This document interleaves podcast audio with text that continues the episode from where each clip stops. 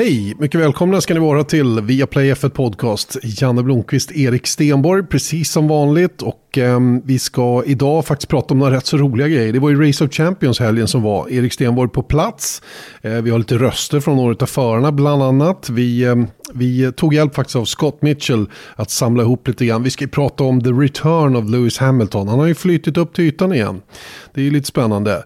Eh, självklart får ni Eriks intryck ifrån Race of Champions. Vi ska prata lite launch season och sådana saker också i veckans podd.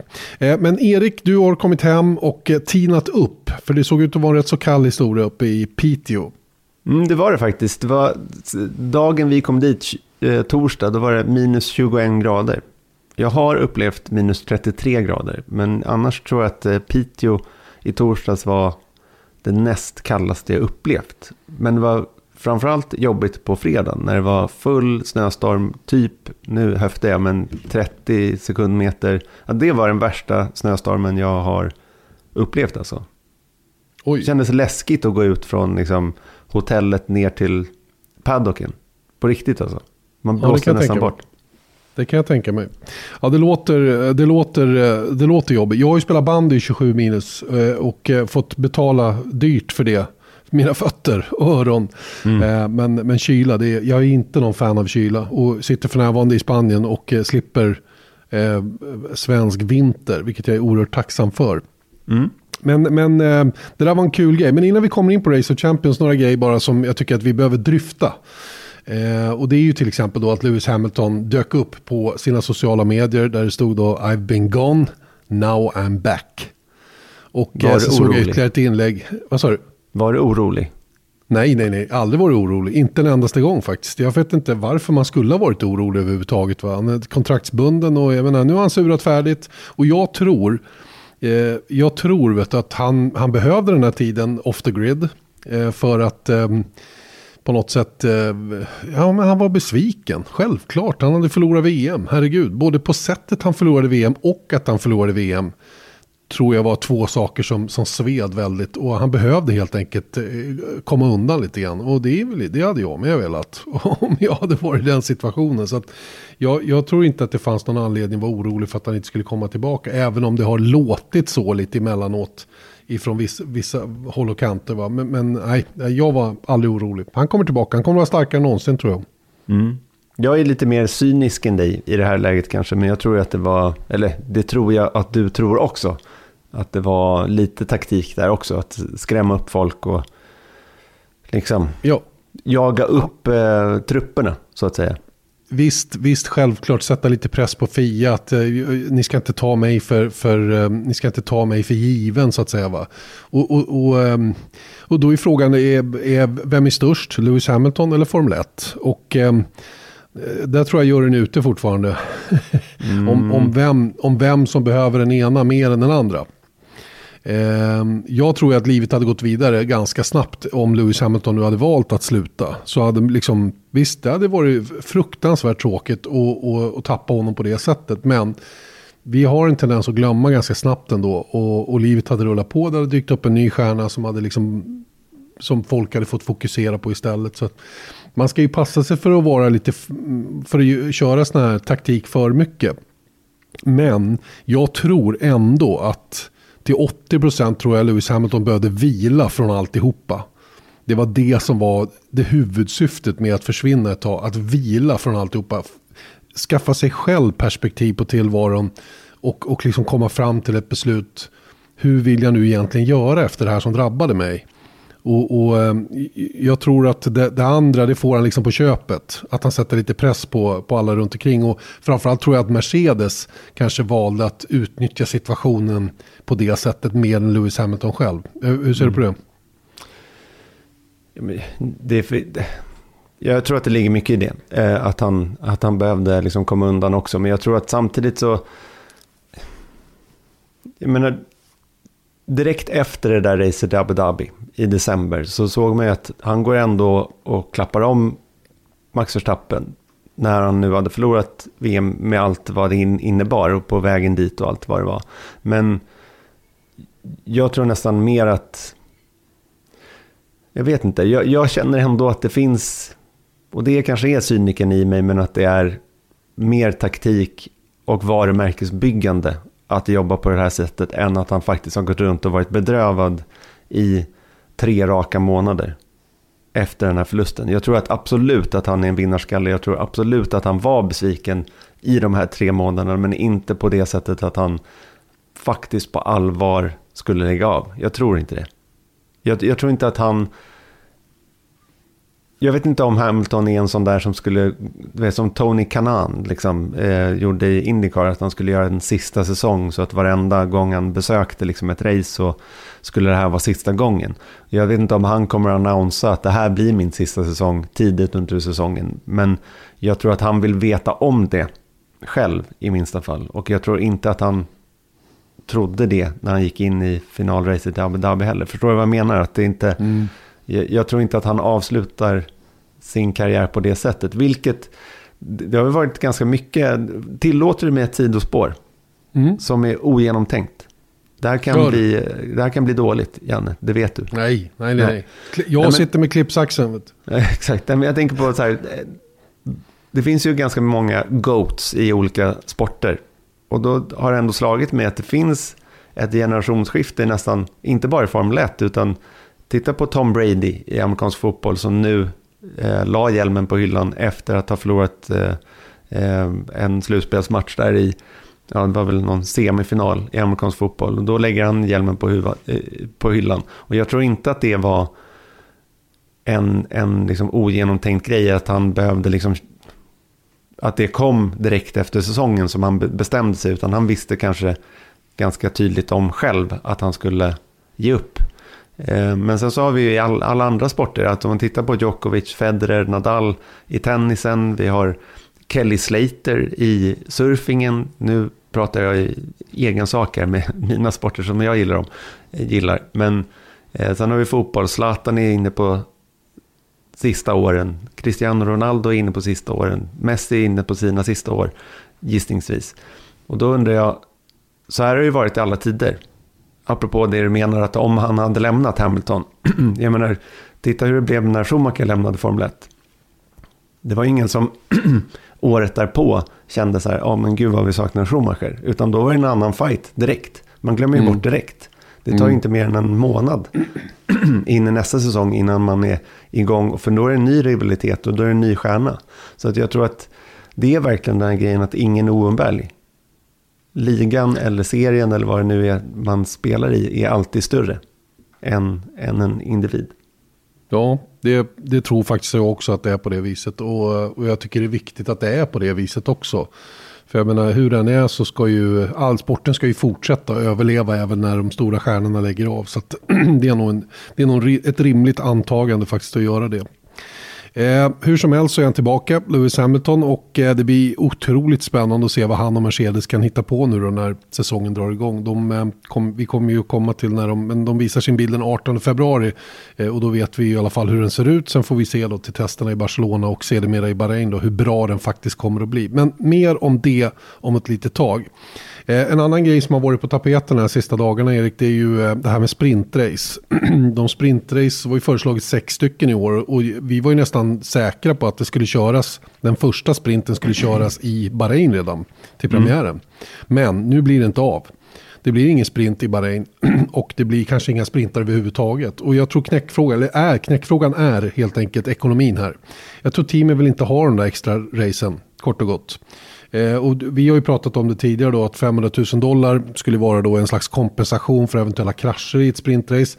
Ja, det räcker helt enkelt inte. Va? Och de, de, eh, jag tror att teamen har insett att de är med tummen under hakan här när det gäller att vara inom ramen för budgettaket redan som det är. Och eh, vill inte ha något mer, någon mer distraktion som, som stör dem helt enkelt. Va? Så nu har de verkligen börjat sätta sig på tvären. Och eh, Även om jag tyckte att sprint var ett, ett, ett kul försök förra året. Jag tycker att det blev lyckat. Jag har inga problem alls med det. Så, så, så eh, det är inte så att jag bara, åh nej, inga sprintrace nästa år. Formel 1 räcker till som det var. Jag, jag tyckte inte att det kanske fanns ett så enormt behov, mer än för möjligen arrangören att få till en dag till där det var lite action på banan och så vidare. Men i övrigt så kan jag verkligen leva med om det inte blir någon sprintrace. Men blir det sprintrace så blir jag glad. För jag tycker att det funkade bra det de gjorde. Men det verkar svårt att få till. Mm, jag är helt enig där.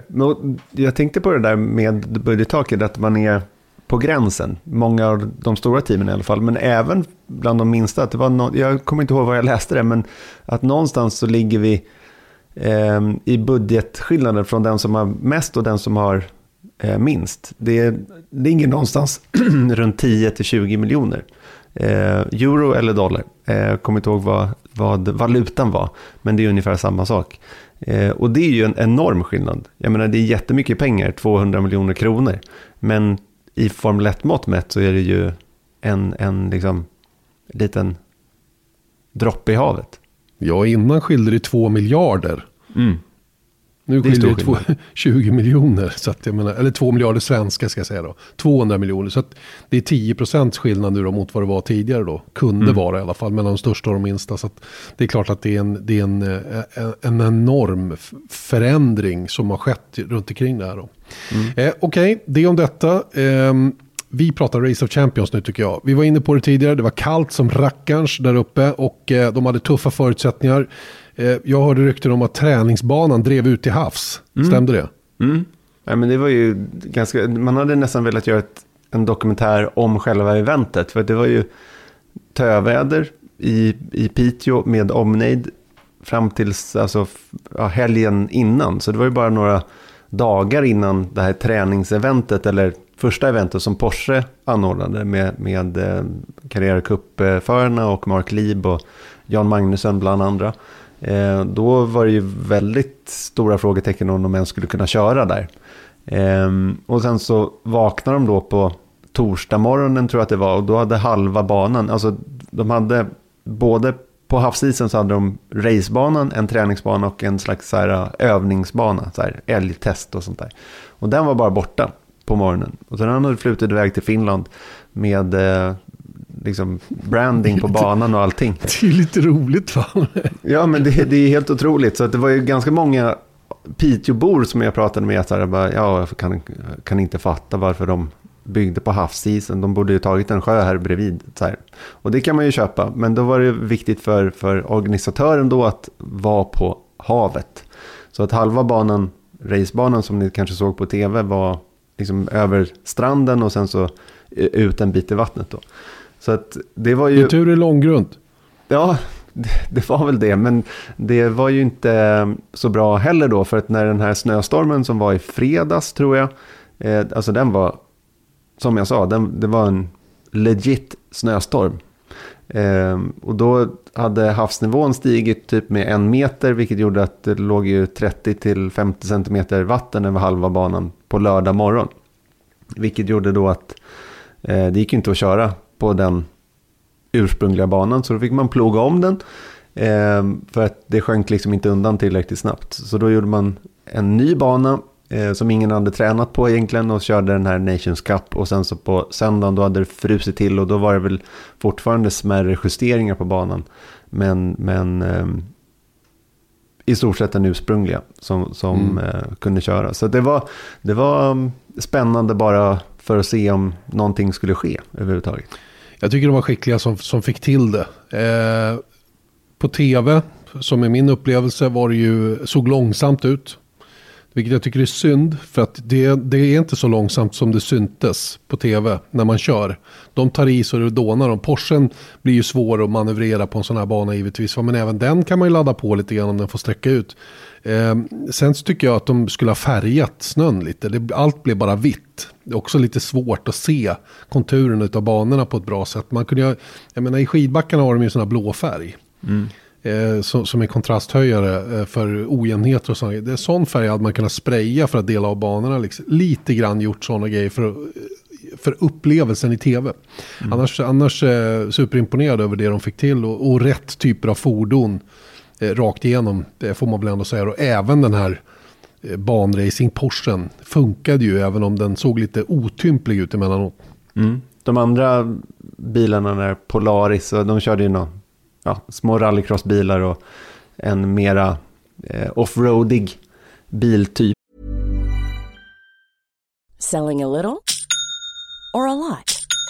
Shopify helps you do your thing however you cha-ching. Shopify is the global commerce platform that helps you sell at every stage of your business. From the launch your online shop stage to the first real life store stage, all the way to the did we just hit a million orders stage.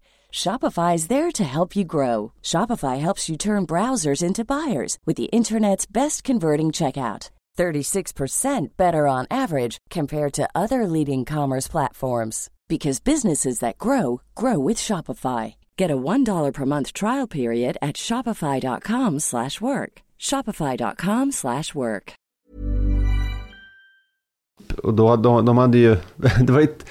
jag ska komma in på det för att det är ju en plojtävling eller ett event. Skoj ska det vara. Men till och med liksom teamen då uppenbarligen vill verka snabba. Så att ett annat, de, vissa hade kanske fubbat lite med däcken, de överenskomna däcken. Lite, lite längre dubb på vissa bilar än vad som var överenskommet. Vilket kanske gjorde att andra fick lida lite mer än andra. Men det, det, mm, det är lite så. Det, jag har ju tittat på Race of Champions för det går ju i jan, januari, februari varje år. Det finns inte så himla mycket motorsport i övrigt att titta på. Men man tittar ju fast det är ploj. Men när man var mitt i det så är det förvisso kanske inte 100% allvar på liv och död som man kanske kan känna när man är en F1 paddock. Där känner man verkligen allvaret i varenda skrymsel, skrymsle och vrå. Men de tar det banne mig på allvar, förarna. Även om det är skratt och skoj emellan. Men det är inget lek, utan det är ju allt snack man hör från de här förarna som går runt, det är ju om att hur man ska vara snabb. Och vissa kanske inte säger något till den ena för att han vet att han kommer möta den. Och du vet, det är massa taktikgrejer som jag hörde från en förare som sa att så här, men det är, folk håller på att fulspela. Jag hörde att en finsk förare hade varit uppe i en vecka eh, själv och bara sladdat runt på snö och is för att liksom komma in i tempo. Eh, en det, finsk förare, det var två ja, att välja på. Ja, men var det en han en också? Av, det var en han. Okej, okay, då förstår jag. Vad hände ja. med Valtteri Bottas förresten? Jag vet inte, prior engagement bara. Det var lite synd. Han, fe han fegade ur. Mm. Men låt oss, istället för att gå in på själva evenemanget och resultat och allting sånt där. Det, det Nej, är ändå... det är ointressant. Men, men det var ett väldigt kul event att vara på faktiskt. Men jag upplevde också, i varje fall när man var där, det spelade ju roll såklart att man var nära allting. Men jag tyckte att det kändes som tävlingen var mer tävling i år än vad det varit de tidigare åren. Hur känner du runt den? Ja, men kanske det. Ja, nej, den upplevelsen gick inte igenom tvn. Jag, jag, jag, jag, gjorde ju, jag kommenterade senaste gången man körde på riktigt i Mexiko. Och den upplevde jag nog var ännu mera tävling, så att säga. Då var det fler förare som var på sitt, inom citat, underlag också. Det var ju väldigt många som var ute och tassade på grejer som de aldrig har kört tidigare eller kör väldigt sällan på. Så på det viset så var det väl lite annorlunda då. Men, men eh, jag tycker nog att det var lika mycket tävling den här gången som det har varit tidigare. Mm, ja. Oavsett så, det, den generella uppfattningen jag fick i alla fall efter att ha pratat med en del förare och överhört samtalen från andra var att det var otroligt roligt för alla att köra på snö och is. För det var någonting helt nytt. Även om det var inte alls nytt för en Sebastian Löb till exempel. Så är det ändå för Vettel och de här asfaltskillarna. Jimmy Johnson tyckte att det var det roligaste han hade gjort i stort sett. Eh, och han mm. har varit med på många Race of Champions tidigare. Um, han var otroligt snäll och medgörlig människa. Alltså. Han pratade med vem som helst. Så, så om någon sa Jimmy så stannade han och pratade en kvart i stort sett. Så att, Tänk om um, alla var så. Mm, det var han. Men um, Ska vi lyssna mm. på en förare istället, eller? Ja, det kan vi göra. För eh, vi hade ju Scott Mitchell på plats, för vår räkning faktiskt. Han fiskade upp eh, Mick Schumacher. Hi Mick, good to see you. Good to see you. Normally see you um, see Grand Prix. it's a slightly different environment. Welcome to Sweden. Um, it, have you driven since uh, Abu Dhabi, or is this you blowing up off the cobwebs? Um, well, it's kind of the first time that I get to drive uh, in a in a racy environment, let's say like this. So yeah, it's a warm up. Yeah. Um, it's obviously something that you're familiar with. Race of Champions. Obviously, we know that you're close with Seb. How how much more interesting is it that you've obviously added the extra dynamic of doing it on, on snow and ice this year? And it looks like you've taken to it pretty well. yeah, I have to say I enjoy it, and obviously, you know, being uh, being here with Sebastian Loeb, for example, who has a, a, huge amount of experience in these conditions, being able to like draft a few informations out is, is definitely great, and um, you know, obviously with Sebastian, we're we're pretty much in exchange the whole time and trying to. Uh, just see how we how we can improve, and I think that hopefully tomorrow things look a bit better. It's obviously a slightly different way for you to, I guess, prepare before uh, pre-season testing. Um, I have to ask because obviously while you were here on Friday, the team kicked off their season with the uh, with the digital reveal of the car. We can obviously see that F1's going to be really different this year. And uh, so speaking to Gunter, for example, the team atmosphere seems a lot different to how it was 12 months ago. You knew what you had in store. How how excited are you for for the second season in Formula One? I'm very excited, and obviously being part of this development part um, of this car is, is, something great, and to be able to then drive it and feel it is definitely uh, you know a great thing. It's the first time for me where I have been involved in developing a car. Uh, so yeah, I'm definitely excited. I think things look to be pretty alright, uh, but at the end, uh, lap time on the track will count. So uh, we'll have to wait and see how, how that comes. One final thing on that is that Gunter was saying that although obviously there are lots of reasons to hope that this year will obviously be a lot better for the team than last year, there's obviously a bit of caution. Nobody wants to get too carried away. What do you think would be a, a sensible step, I suppose, for the team and, and for yourself as a driver in your second year? I mean, I think the easiest way is to go in with no expectations and kind of be surprised in one way.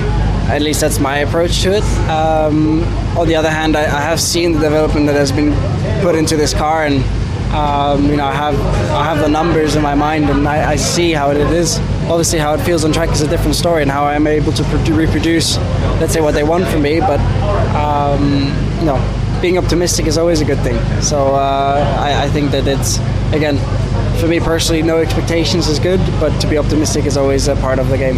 How much of a difference does it make having the six days of, of pre season? Last year was probably the worst year in F1 history to be a rookie. Yeah, but I think we got around, and uh, obviously by the end of the season, I think we were in a pretty good spot, and I, I my goal is to set off uh, this year's campaign in the same spot that I ended it last year, so hopefully in a, in a good one.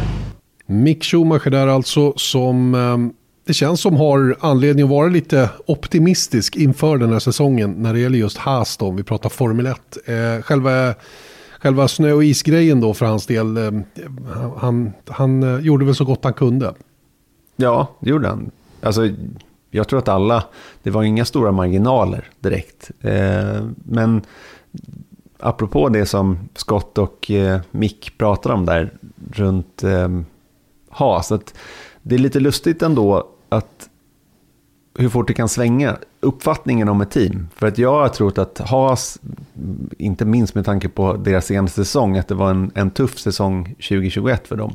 Eh, men också det där, alla rykten runt att de är väldigt sena eh, med sin bil. Eh, och att de är fortfarande ett väldigt litet team, F1-mått mätt. Så att jag har känt ändå så att ja, men Haas är, kommer nog inte vara att räkna med i eh, 2022 heller. Men, och det kanske jag vidhåller fortfarande, men jag tror helt plötsligt, bara på en vecka, så har jag ändrat uppfattning lite grann. Att de kanske kan vara med i mittfältet. Kanske drämma till med några poängplatser på löpande band faktiskt. Mm. Och det finns faktiskt anledning till det. För att det, det sker ju rätt mycket omstruktureringar internt i det här teamet. Och det hänger ju delvis ihop med eh, budgettakets införande. Eh, Ferrari som har varit en väldigt tight partner till Haas och Gene Haas hela tiden. Eh, måste ju omstrukturera då och då har de ju friställt folk som i sin tur har blivit anställda istället utav Haas. Som nu håller på och bygger upp sin organisation. För Gene Haas kan man ju säga, ända sedan pandemin startade så har ju han vridit av kranarna. De frös ju i praktiken sin bil från 2019, körde den 19, 20 och 21. Vilket har setts, eh, vi, vi, har sett det ganska tydligt på resultaten. Då. Eh, vi vet ju också att de har jobbat väldigt tajt med Ferrari som sagt. Men att det är Dallara, Dallara som har varit den, den tekniska parten för deras del, så att säga, med design och hela den grejen. Va? Nu börjar de glida mer över åt att vara ett semi-Ferrari-team eh, med ex-Ferrari-anställda, mer Ferrari-anställda än Dallara-anställda i organisationen. Och jag tror att Gene Haas ger det här nu en sista riktig chans att, att bli ett starkt team igen. Precis som de var 2018 om ni minns. den där starten på säsongen när man bara, va? Vad är det här för någonting? De var supersnabba liksom. Eh, och det morrades lite grann i övriga depån över att de hade en B-Ferrari så att säga va? och hela den biten. Eh, nu ska vi inte tänka i de banorna när det gäller 2022, men det kommer att se betydligt bättre ut nu framöver tror jag i det avseendet. Och jag, och jag tror att som för Mick Schumacher och för Nikita Mazepin också så, så, tror jag att de kan ha det ganska, det kommer att bli ganska rolig säsong i alla fall om de inte har gått bort sig helt Eh, designmässigt. Eh, under Simone Resta då, ex-Ferrari-designer, teknisk eh, människa då, som, som vi vet jobbade hos eh, Alfa Romeo då, med ungefär samma roll innan hon gick tillbaka till Ferrari och sedermera hamnade hos Haas. Eh, Haas som verkar vara den riktigt starka partnern till Ferrari numera, då, vilket Alfa Romeo var tidigare. Och det är ju, det är ju eh, jag, ser verkligen fram emot den här, eh, den här säsongen för deras del. Va? För att nu har det varit, jag tror att personalen, alla, det har gått på sparlåga så länge nu. Och, och, eh, det har ju startat rykten om att ja, de kan, Gene Haas kommer snart att sälja och de ryska, ryska sponsorerna de kommer att ta över det här. Bla, bla, bla. Men jag tror inte att det är på det viset. Utan Gene Haas har varit lite clever. Han har hållit sig över vattenytan med, med nöd och näppe. Och nu får de chansen att vrida på kranarna igen. Kanske lite försiktigt där inledningsvis men det vrids på i alla fall och det, det satsas. Och ehm, eh, jag tror vi ska hålla ögonen på Haas lite grann extra faktiskt den här kommande säsongen. Inte för att de kommer vinna någon race men precis som du sa, varför inte ta lite poäng? Mm. Ja men verkligen. Och jag tror bara en sån grej att när man går in i en säsong som 2021 för ett team som Haas och de vet att de har en tre år gammal bil i stort sett då. Eh, då är det liksom jag menar, varenda mekaniker där vill ju också vinna. Och sen så vet man liksom på förhand att det här kommer inte ske. Och det är klart att det blir inte speciellt motiverande, men bara det, det faktum att de har en ny bil och en ny satsning, därav kan vad som helst hända. Det är mycket möjligt att de ligger sist i alla fall. Men chansen finns för ett bättre resultat och det är klart att det är väldigt motiverande. Och då har jag en fråga till dig. Vi har ju sett bilderna, renderingarna på VF22 som den heter då. Eh, Haasbilen som, som visades 4 februari. Eh, vad, vad, vad, tänkte du när du såg den här bilden första gången? Tänkte du så här, ja men det där är ju den där som F1 har gjort fast de har lackat den så som den ska se ut. Eller vad upplevde du? Jag ska säga så här att jag tittade på den med stort intresse intresset försvann efter 15 sekunder ungefär. I, med vetskapen om att jag vet inte vad jag tittar på längre. Och då menar jag inte att så här, jag förstår inte vad, vad hjulen sitter på bilen, utan snarare som att det här är ingen riktig bil. Eh, vilket är fullkomligt självklart att man inte får se så tidigt på säsongen, utan det var mer en, en livery reveal på en mock. Eh, på, på en sån här mule car som Formel 1 hade tagit fram. För att jag litar inte dugg på, jag tror att den kan mycket väl se ut så där. Men inte förrän den är på banan kan man vara helt säker. För jag tyckte bara att den såg liksom, ja, det är lite nya, det är inte ens nya färger utan bara lite nya eh, ställen på, som man satt ränderna på. Mm. Min upplevelse var faktiskt att den, den, jag har ju hela tiden trott att man skulle uppleva de nya bilarna så här, åh oh, wow, vad är det där? Alltså, åh gud vad annorlunda liksom. Men så mm. upplevde jag verkligen inte det här. Nu var de smarta med, den var svart, om du tänkte så var den ju svart på alla de ställen där man inte skulle se några detaljer. Typ där Venturi-tunnlarna börjar och slutar. Eh, om man såg bilen från sidan. Så här, och, och, det var på ett litet avstånd. Så, här, så det var mycket sådana detaljer som var, som var maskade med avsikt såklart. Va? Eh, nu läste jag mig till att den, den, den riktiga VF22 som de kommer att tävla med inte kommer att avvika speciellt mycket från den här utseendemässigt. Men det här är ju precis som du sa, det här är ju bara en version av den bil de ska köra. Men det är ju de facto den nya framtagna bilen i stora drag i alla fall. Mm, mm. Så att, och och då, då måste jag ändå säga att upplevelsen av den här inom nya bilen då, jo, var, det var inte så här så att wow, Formel 1 har blivit någonting helt annat, utan en evolution eh, enligt de regler som, som är uppsatta för, för den kommande säsongen. Jag tycker, eh, jag tycker det ser lovande ut inför fortsättningen. Jag är sjukt spänd på Red Bull imorgon. Mm, verkligen, samma här. Mm. Eh, Alright, eh, mer då ifrån Race of Champions och mer röster därifrån. En kille som har varit het Eh, bo, ja, het egentligen hela tiden. Eh, och eh, som var stark på Daytona 24 timmars eh, där han vann i LMP2-klassen. Eh, Colton Hurta som blev sent inkallad då istället för Travis Pastrana som hade skadat sig. Kommer då eh, raka vägen in till Sverige till eh, iskylan. Södra Kalifornien är inte riktigt snö och is. Eh, det är inte förenligt med varandra. Va? Men, men eh, Scott träffade även Colton Hurta. You're obviously uh, playing down expectations in the build up to, to this event. You've not done too bad though for a kid from California, have you? Um, no, I'm happy. I'm happy with where I started and, and where I am now with, with the driving and, and how I feel in the car and comfortability.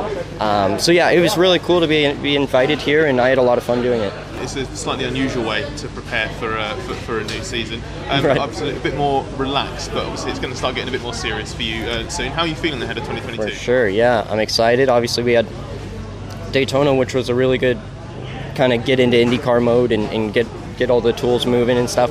And then um, and then I come over here and do this and kind of throw everything away. so it's gonna take some time to kind of get back in and acclimate to to uh, tarmac driving, but I'm sure it will be uh, will be easy. We have a test next week or the week after, and, and then we'll get things going. It really feels like um, your star is on the rise at the moment as, as, as a driver. I think there's a strong argument to be made that you were arguably the fastest driver in IndyCar last season, but didn't quite come together. You've obviously had Daytona now, a bit of fun here. Do you feel like there is more momentum behind your career than, than ever at this point? There's definitely a lot, right? Like before I did this race, I've won the last three races that I competed in. So, um, you know, wins just make you more and more comfortable. And um, and I guess I got a podium. That for me was like a win. Uh, so that was that was really cool. But yeah, there's a lot of momentum. The team's been really good in the off season and, and finding stuff for the setup wise. And uh, we have a test coming up that I'm excited to get back in the IndyCar and, and get the get things moving. And um, but yeah, there is a lot of momentum, I, I think. The international side of, of, IndyCar, we can see that it's really booming at the moment as a, as a series. Seems to be going from strength to strength. We've obviously got a couple of Swedes that over here everyone's keeping keeping an eye on. Do you feel that the strength in depth of IndyCar is arguably as strong or stronger than it's ever been? And can can you pick a champion out out of the field this year? No, I can tell you about ten guys that can win it though, which is pretty incredible. So, um, yeah, the, I think the talent level I think you got to talk to these guys like Elio and Tony, and I think they'll say that it's as tough as it's ever been, maybe even more. Um, and it's not just driving wise, too. It's the teams are at such a high level now, and, and nothing breaks on cars usually anymore. And so you really need to be on it. And we're talking, you know, tenths of a second, whereas in the 90s, right, we, we had guys that were lapping up to fourth place. So it's a very different style of racing now, too. There was a lot of um, focus last year for a short period of time, but obviously on an F1 link, and we've had the same with Pato now on, on the McLaren side. I think it speaks a lot about the, the quality of IndyCar that you guys are being sort of talked about in that, that manner. But um, I guess it's full focus on IndyCar for the for the short term at least. Yeah, for right now at least. Um, it, yeah, it's cool that, that we get recognized in Formula One's. Uh, I guess a little bit more open than maybe they have been in the past about IndyCar drivers and, and the level that they, they can drive at. It helps having some XF1 guys come over too and, and, and try to get in, in the car and, and then we can perform at their level and it shows. But um, yeah, it's all good things. Colton Hurta där, eh, han eh, såg också glad ut bland alla de där eh, kollegorna på andra sidan Atlanten och det var ju faktiskt snack under vintern om, eller under hösten egentligen, att han skulle bli en mycket närmare kollega genom att eh, han eventuellt skulle köra då för nya Adretti-stallet som när det ryktades om att de skulle ta över Alfa Romeo eller Sauber. Eh, så blev det inte, men som han också pratade med Scott om där så är det ett styrkebesked för Indycar att nu Formel 1 verkar åtminstone, även om ingen har tagit klivet från Indycar till Formel 1 på, på lång tid, så verkar det ändå som att det är en större möjlighet att någon skulle gå den vägen in i Formel 1 än tidigare. Ja, visst är det så. Och framförallt är det ju så att Formel 1-förare som kanske var lite njugga att ta sig över Atlanten för att köra Indycar gör det nu med rätt stor entusiasm. Eh, Eriksson och Grosjean i några av dem, Kevin Magnusson var där och testade. Eh, hade säkerligen kört Indycar om rätt möjlighet hade dykt upp. Va? Så, så att jag menar, det är, inget, det är inte omöjligt längre att karriären fortsätter i USA om och när man blir av med sin plats i Formel 1. Snarare är det eh, ett ganska troligt alternativ. Vi vet ju till exempel att även eh, eh, Stoffel van Dorn var över och testat. Och, så, så att, jag menar, nu gäller det bara att, att, att Indycar orkar med eh, invasionen om den nu kommer så att säga. Att det finns platser tillräckligt, det är det jag menar snarare. Eh, och att Colton Hurta var nära Formel 1, det var riktigt, riktigt nära. Det var ju mer eller mindre, det, det var spikat skulle jag säga. Om, det här, om den här affären hade gått igenom, vilket den nu inte gjorde. Så det, var, det var sjukt nära att han hade i Formel 1. Och jag tror att han och Pat Ward är väl de som ligger närmast till hans att ta steget över till F1 om en, en tillräckligt bra plats dyker upp. Ni lyssnar till Viaplay F1 Podcast. Janne Blomqvist, Erik Stenborg. Vi har pratat eh, Race of Champions. Vi har pratat återkomsten av Lewis Hamilton. Och vi har pratat lite stökigheter kring eh, eventuella sprintrace till kommande säsong 2022. Men vi ska inte lämna Race of Champions ännu. För att jag vill nu ha dina avslutande intryck ifrån det här eventet. Som var eh, väldigt lättillgängligt om jag har förstått det hela rätt. Verkligen. Och att det är ju så med, eh, med våra mediapass i Formel 1 depåer så är det ganska tillgängligt också. Vi kan ju gå lite hipp som happ och var vi vill i en Formel 1 depå. Men det här var faktiskt första gången som jag var på ett större racing-event sen Abu Dhabi 2019. 2019 säger man. Säger man 2019? Mm. Säger man ja, du kan välja faktiskt. Mm, 2019 säger jag då. Man sa fall... inte 1979. Jo, sa man kanske. 1979. Jo, 1920. Jo, man 20. Fan, man har glömt bort hur man sa. Ja, exakt. Det var ju 22 år sedan som man sa ja. det senast. Men i alla fall. Eh, det var faktiskt kul och nästan som, som racingfan betraktat att jag var ju där och jobbade så jag hade inte så full, full koll på själva tävlingen. Men just att bara vara i den miljön, balsam för själen måste jag säga. Men det nästan roligaste var att sitta i hotellreceptionen när man höll på med datorn eller någonting. Och så bara tittade man upp och så såg man, ja du vet, som jag sa, Fettel eh, går ut och joggar i, i 15 minus i, i shorts och t-shirt. Men eh, varför? Eh, Ja, men jag, jag skrev det på Twitter att jag förstår faktiskt inte varför han gjorde det. Hur fan dum får man vara? Det är ju faktiskt knäppt på riktigt. Ja, det behöver man ju ja. inte göra. Nej, han gjorde det i alla fall. Fan, jävla dumt, dumt, punkt. Ja. Och, men just också se så här, ja men så här, där går Mika Häkkinen som börjar spela rundpingis mitt på dagen och sen så lite senare på kvällen så var jag uppe och tittade på en så här, vi skulle eventuellt göra en intervju i en eh, lounge de hade där uppe. Och då sitter eh, både David Coulter och Jimmy Johnson och försöker liksom desperat att knäcka en, en eh, konjaksflaska, de får inte upp den. Så de sitter Va? där liksom och försöker... Vad är det för amatörer? Nej, jag vet inte. Du hade fått upp den, det säger jag bara. Ja, lätt. Jag har sett, jag måste nästan vara ensam i världen med att ha sett Sebastian Vettels familj. De har man ju aldrig Spännande. sett. Jag visste Nej. knappt att de, att de, jag vet att de, det sägs att de finns. Men nu såg jag fru och tre barn gå runt där. Det, jag vet inte vad, vad det betyder. Men det var ändå så här, ja, jag har gjort det i alla fall. Ehm, Ja, men vi kan väl säga att Vettel har varit väldigt skygg runt omkring sin familj. Eh, det dröjde ju länge innan man fattade att han var gift överhuvudtaget. Och ännu längre när jag visste att han hade fått något barn. Och nu har han mm. väl tre, mm. så vitt jag vet. Mm. Ja. Mm. Ja, men, och sen så bara se där Sebastian Vettel eh, tvingas in i Stig Blomqvists uh, Audi S1 som co-driver. Bara njuta av det. Eh, jag stod faktiskt i den här driver change arean och höll på med något batteri eller vad det var. Och eh, så tog jag en bild på Vettels hjälm och då var det bara jag, Sebastian Vettel och pappa Vettel. Norbert. Och, eh, Norbert Vettel. Och då stod jag och tog en bild på hjälmen och han bara, excuse me, I need that now, is that okay? Och då så skrattar jag och säger såklart att det är okej. Okay. Och då börjar man så här små chitchatta med honom och han presenterar mig för Norbert och så kommer Corinna Schumacher, eh, alltså Michael Schumachers fru. Och sen så blev jag presenterad för, för Corinna och så klappade jag hennes hund och sådana där saker. Det var, wow. bara, en, här, det var bara en lustig liksom, situation. Och med vetskapen också i bakhuvudet att man är i Piteå i en snöstorm. Det, det, var liksom, det blev liksom fasfel i hjärnan på något sätt att se det där. Ja, det kan jag tänka mig. Ja, spännande, kul. kul. Fredrik Jonsson, eh, all till honom då som, som orkar råda runt där och i fem år ska alltså det här eventet köras på snö och is nu. Eh, fyra till då. Eh, uppe i Piteå. Om de inte bestämmer sig för att byta location då till något mer snö och issäkert. För det är, precis som Piteåborna påpekade, inte det smartaste att ligga precis i strandkanten där det, vädret växlar väldigt. Det finns ju andra bra faciliteter som bilmärken använder i både Arjeplog och vad det nu är. Så, som de skulle kunna använda istället. Men jag tror att kopplingen till Pite havsbad är viktig här. så, som partner till hela eventet. Va? Så att, eh, men hur som helst, eh, sjukt bra gjort av Fredrik att få till det där. Så att, eh, vi får se hur det ser ut till nästa år. Om, om klimatet är på hans sida. Eh, Mm. Ja, slutord då. Ja, jag älskar Sebastian Vettel. Jag har börjat verkligen, jag, jag vet hur jag låter nu. 110% ojournalistisk. Men jag tycker att eh, det var ju mycket fokus på honom under helgen. Men just att det som jag verkligen tog med mig från att titta på honom under helgen är vilket motorsportsfan han är. Och det tycker jag är så här fint att se. Att just det där när han sätter sig i Oliver Solbergs bil bara för att åka lite mer bil. Han sitter som co-driver.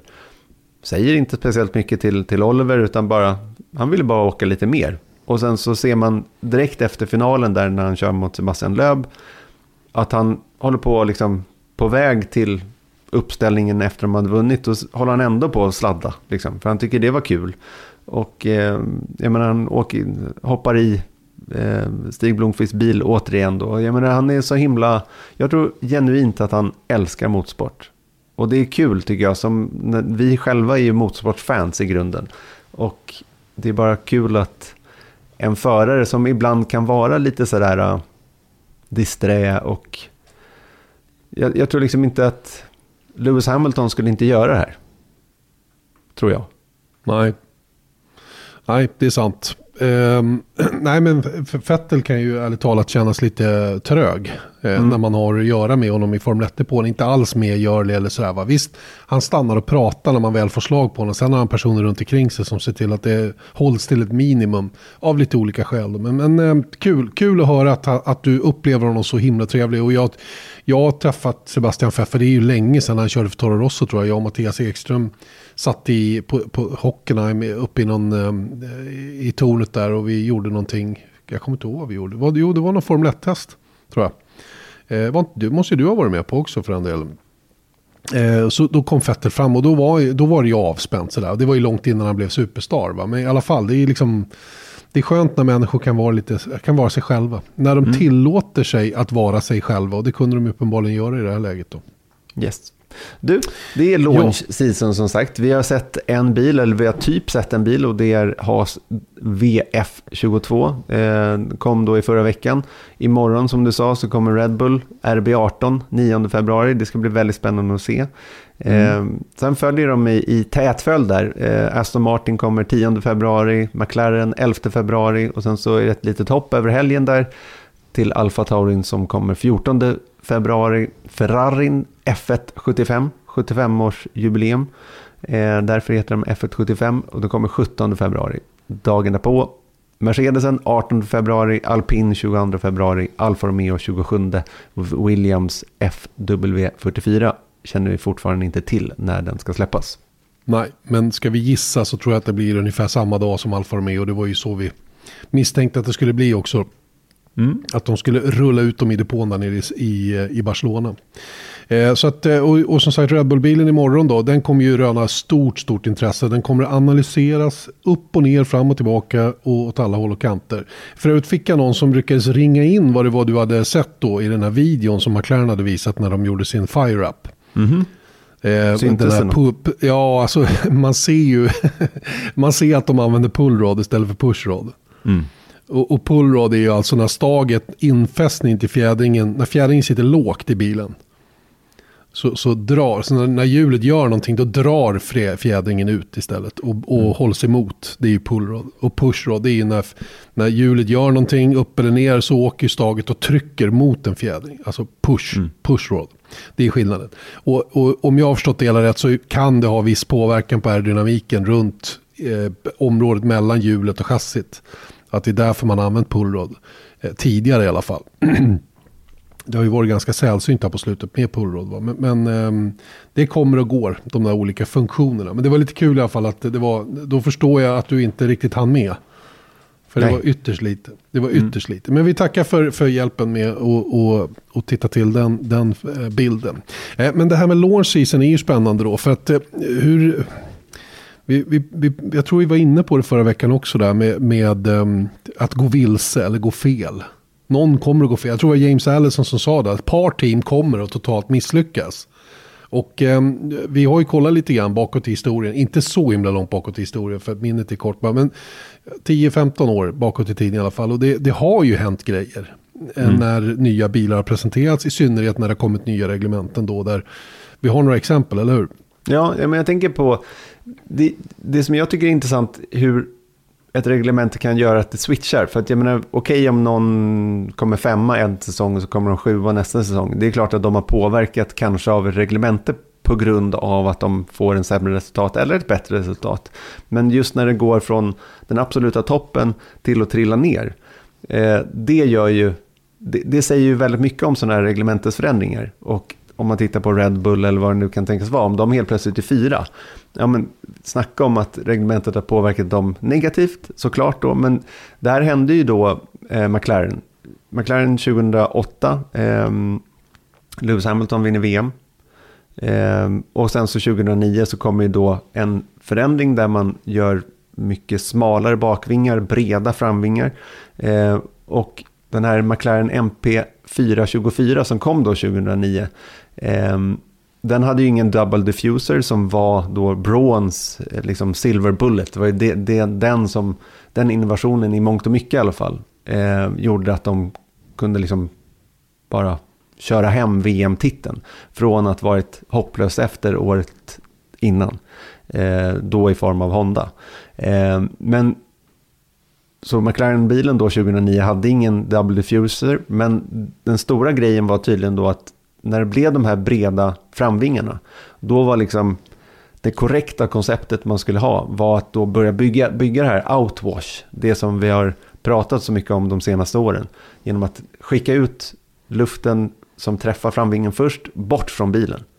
För att få så ren träff på, på aerodynamiken när jag längre ner, nedströms så att säga på bilen. Och det hade inte McLaren utan de behöll sitt koncept från året innan. Och då jobbade man med någonting som heter inwash. Så att istället så styrde man luften, istället för att styra den ut från bilen så körde man den inåt mellan framhjulen. För att den skulle träffa aerodynamiska delar på golvet och bakvingen på, på rätt sätt. Men det var helt fel koncept. Vilket gjorde då att de, de första åtta racen 2009 så lyckades Hamilton bara kvala i topp 10 tre gånger. Och efter första halvan av säsongen så hade McLaren som team då bara skramlat upp 13 poäng totalt. Och det här var då ett team som vann VM året innan.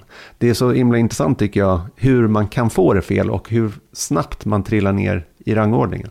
Mm, verkligen, verkligen. Ja, nej, men det där är ju fascinerande verkligen. Och, eh, men att det faktiskt går att vända på det också visar ju de då. Det är ju inte alltid så lätt dock. Och jag tror att det har blivit svårare ju, ju, ju, alltså, ju längre fram vi har kommit. Att verkligen rätta till någonting som har blivit galet. I och med att utvecklingstakten på alla andra är så snabb. Mm. Eller hur? Och jag menar, en, en liten del på bilen är ju designad ihop med resten av bilen. Så skulle, skulle du behöva ändra den då. Vi hade ju de här nya framvingarna när, när du hade det var väl också, eh, handlade väl också om hur du skulle ta hand om luften, om du skulle ha de här sluttande vingelementen på framvingen, vilket vi förmodligen kommer att se rätt mycket på de här nya framvingarna också då, som kommer att vara mindre komplicerade. Men antingen sluttade de in neråt, utåt för att styra luften utanför hjulen, eller så hade man då en likt Mercedes och även Red Bull nu på slutet faktiskt en, en, en vinge som där luften träffade mitt på och sen tog man den här turbulenta luften som träffade hjulet och kom ner bakom in under bilen med hjälp av otroligt komplicerade bargesports.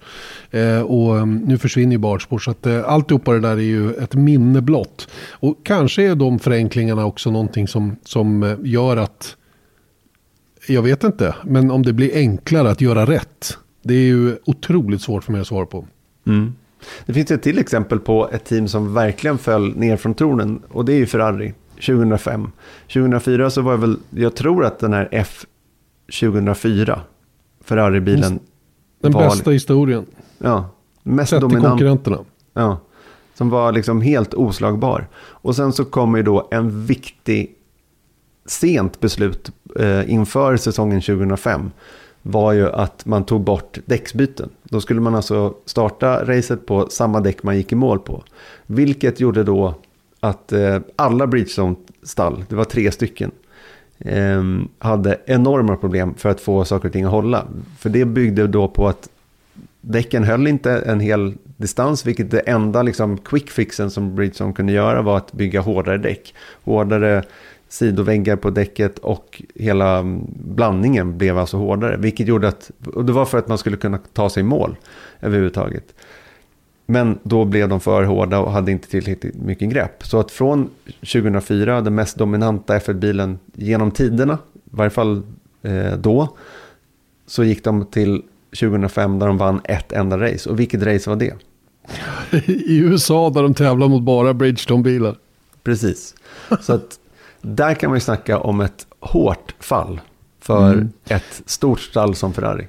Det leder mig otroligt grann att den där regeländringen gjordes för att man tyckte kanske att Bridgestone och Ferrari framförallt hade gått över gränsen lite grann med däcktestandet. Där. De hade typ två bilar enkom bara som åkte runt och testade däck och hela den biten. Och det, det kanske var så att på något sätt så behövde de få stopp på den utvecklingen och, och, det gjorde man enklast genom att säga att ni får bara köra en gummityp. Inget annat funkar. Sen får, fick de naturligtvis ta fram däcktyper till respektive racebana. Det, det, får de inte idag till exempel, utan nu har vi bara fem, fem varianter. Och, och, då, men då, herregud, då var ju däcken skräddarsydda. I synnerhet innan 2005 var de ju skräddarsydda för varenda bana.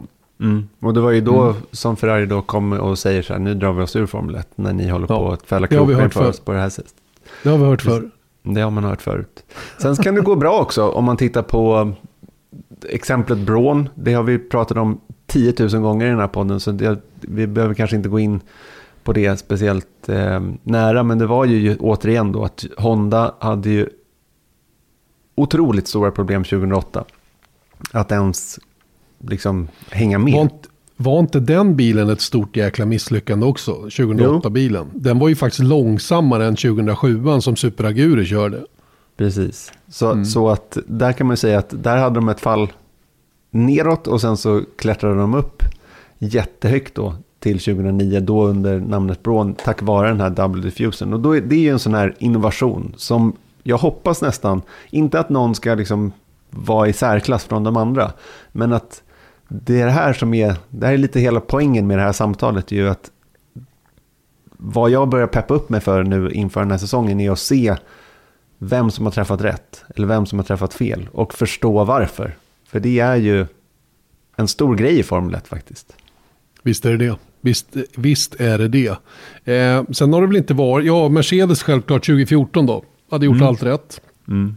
De hade ju egentligen ända sedan de kom tillbaka in i Formel 1 2010 bestämt sig för att den regeländring som kommer 14, det är den vi siktar på. Redan någonstans runt 2011 så började man att titta på den här nya motorn då som skulle användas med, med turbo, med hybridsystem och hela den biten. Framförallt blev ju den då väldigt, väldigt lyckosam. Och sen hade man ju då eh, i tid börjat och, och i lugn och ro bygga en bil också ihop med den motorn som, som funkade åtminstone bättre än alla andra.